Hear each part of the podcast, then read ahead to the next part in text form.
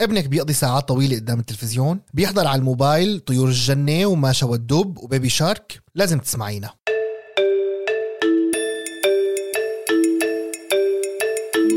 علاقة حب وطيدة عم تنشأ مؤخرا بين الشاشات والموبايلات والأجهزة اللوحية وبين الأطفال من أعمار كتير صغيرة. أفلام الكرتون وأغاني وألعاب بكتير أحيان عم تكون وسيلة الأهل ليخلصوا من أولادهم. بس بالمقابل عم يتركون يدخلوا بعلاقة غير متكافئة تاخذ منهم أكثر من ما بتعطيهم أنا نورس يغن وهذا بودكاست 5G من الآن اف ام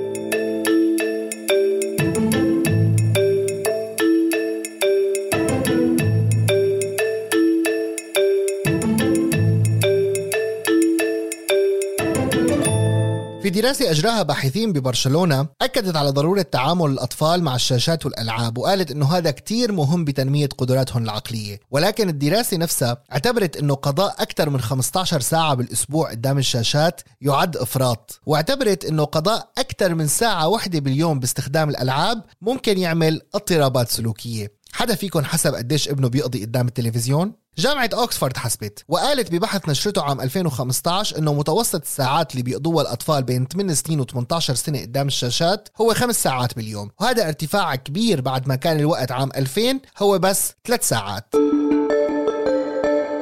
جامعة كاليكوري بكندا حذرت من إصابة الأطفال بمرض متلازمة الشاشات الإلكترونية وقالت أنه هذا المرض بسبب خلل بالنظم البيولوجية بالجهاز العصبي وبيؤدي إلى ضعف التركيز والعصبية والسلوك العدواني وأنه الأطفال المصابين فيه بيحسوا بالإحباط والبكاء والغضب بسهولة وهذا بيقلل مستواهم التعليمي. الدراسات والاستبيانات كتيرة بهذا الموضوع. من اللي بيقول أنه التعامل مع الشاشات والتواصل الاجتماعي والألعاب لأكثر من خمس ساعات باليوم بيؤدي للاكتئاب واليأس عند الأطفال.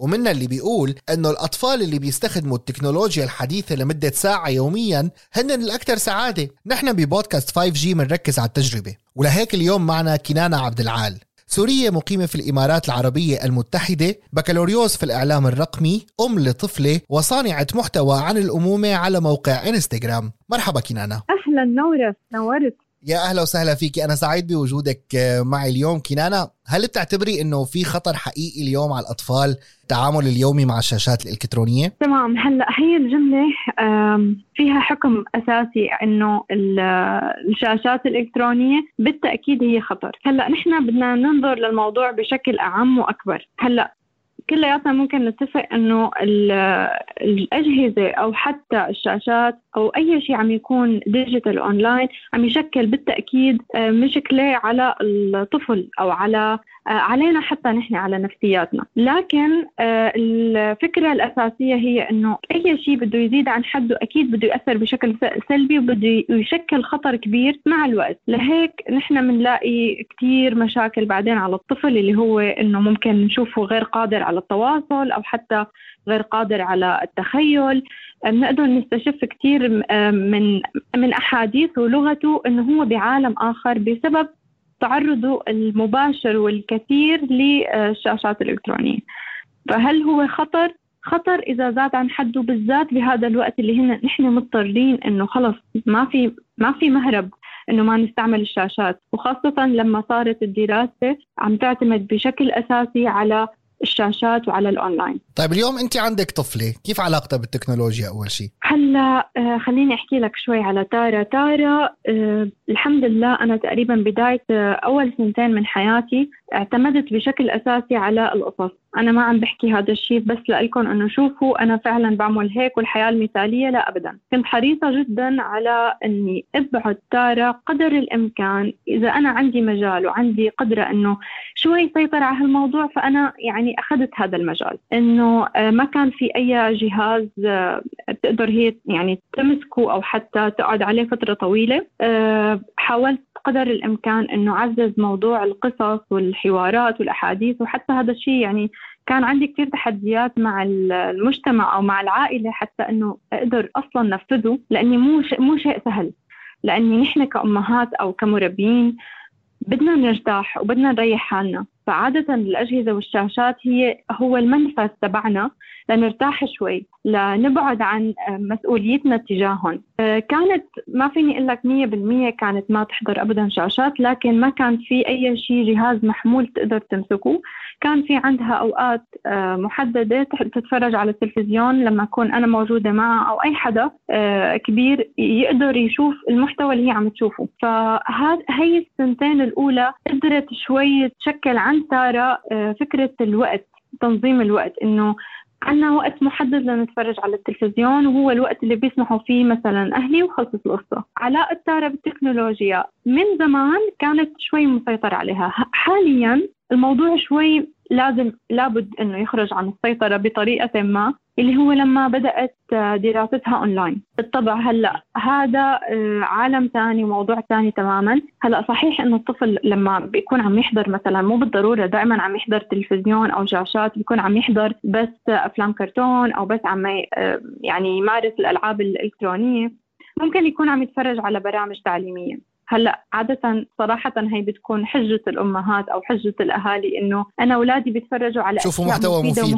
ومهمة. أيوة تماما محتوى مفيد. لكن برجع بركز على نقطة إنه أي شيء رح يزيد عن حده رح يأثر على الطفل بطريقة ما وخاصة على دماغ الطفل. يعني آه، تطور الطفل دائما مرتبط بكثير قصص ما بس الطفل ما بيقدر بس يتلقى. دماغ الطفل ما ما, ما سبحان الله يعني ما معمول بطريقة بس ليتلقى المعلومات. لا هو لازم يجرب ولازم يتحرك ويلعب ويتعلم ويقابل ناس ويمسك طبيعة ويروح ويكتشف لحتى فعلا يتطور مهاراته ويتعلم. لهيك آه، كنت شوي حريصة وكنت شديدة شوي بالبداية على هذا الموضوع مع مع الحولي على نقطة أنه أرجوكم ما تعطوا تارة التليفون. لكن الآن مع وجود ال online learning أو الدراسة عن طريق الأونلاين عم يكون الموضوع شوي مختلف لأني طيب أنا هون في نقطة في مهمة. يعني الأمهات كتير بيقولوا إنه طب شو بدنا نعمل مع الولد؟ الولد بينق الولد بيعيط الولد بيبكي بدنا نرتاح وكذا. وحتى أنت قلتي قبل شوي إنه في كتير أهل يعني بيريحوا حالهم بإنهم يتركوا الولد مع التلفزيون أو مع الموبايل أو مع أو مع التابلت. أنت كيف بتنظمي الوضع؟ يعني هل مثلا في صرامة في خلينا نقول شوية قسوة أو صرامة بتسايريها بتفهميها؟ أبدا أبدا كيف الوضع؟ أبدا, أبداً حقول لك شغلة. بآمن جدا بموضوع الحل البديل. فكرة الحل البديل آه، فكرة رائعة. يعني من أول ما أنا آه، وعيت على نقطة أنه أنا فيني شتت انتباه الطفل بشيء آخر آه، يقعد فيه لمدة حتى لو خمس دقائق ويمل من هذا الشيء.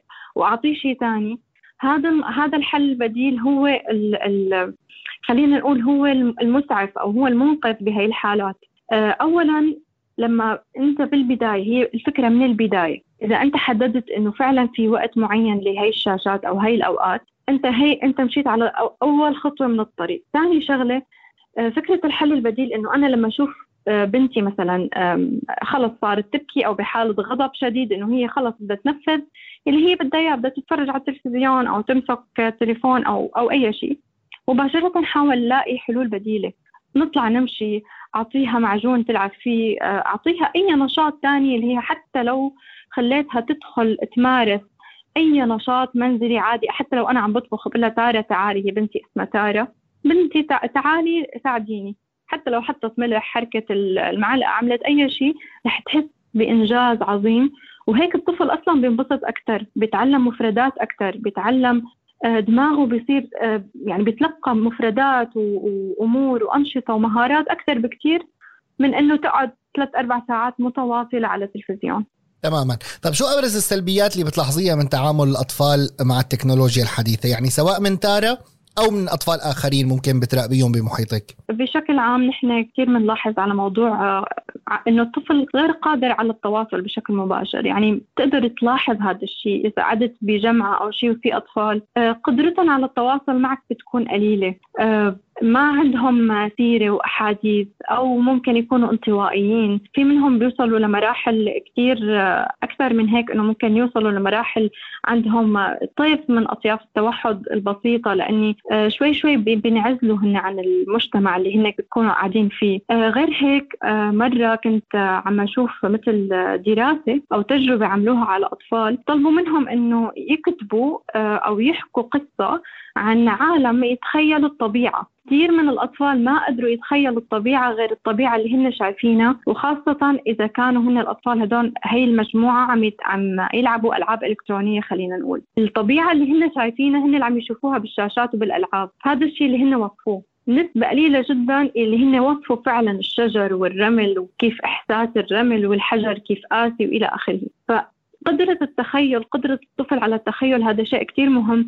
ما قادر يعبر ما قادر يعبر عن مشاعره ما قادر يعبر عن محيطه حتى. فهي التفاصيل نحن بنقدر فورا نلاحظها على الطفل وهي السلبيات اللي نحن لازم آه، مثل تضوي عنا ضوء آه، أو جرس التنبيه إنه ندير بالنا ونوعى أكثر لحتى نرجعهم للحقيقة. طيب بالمقابل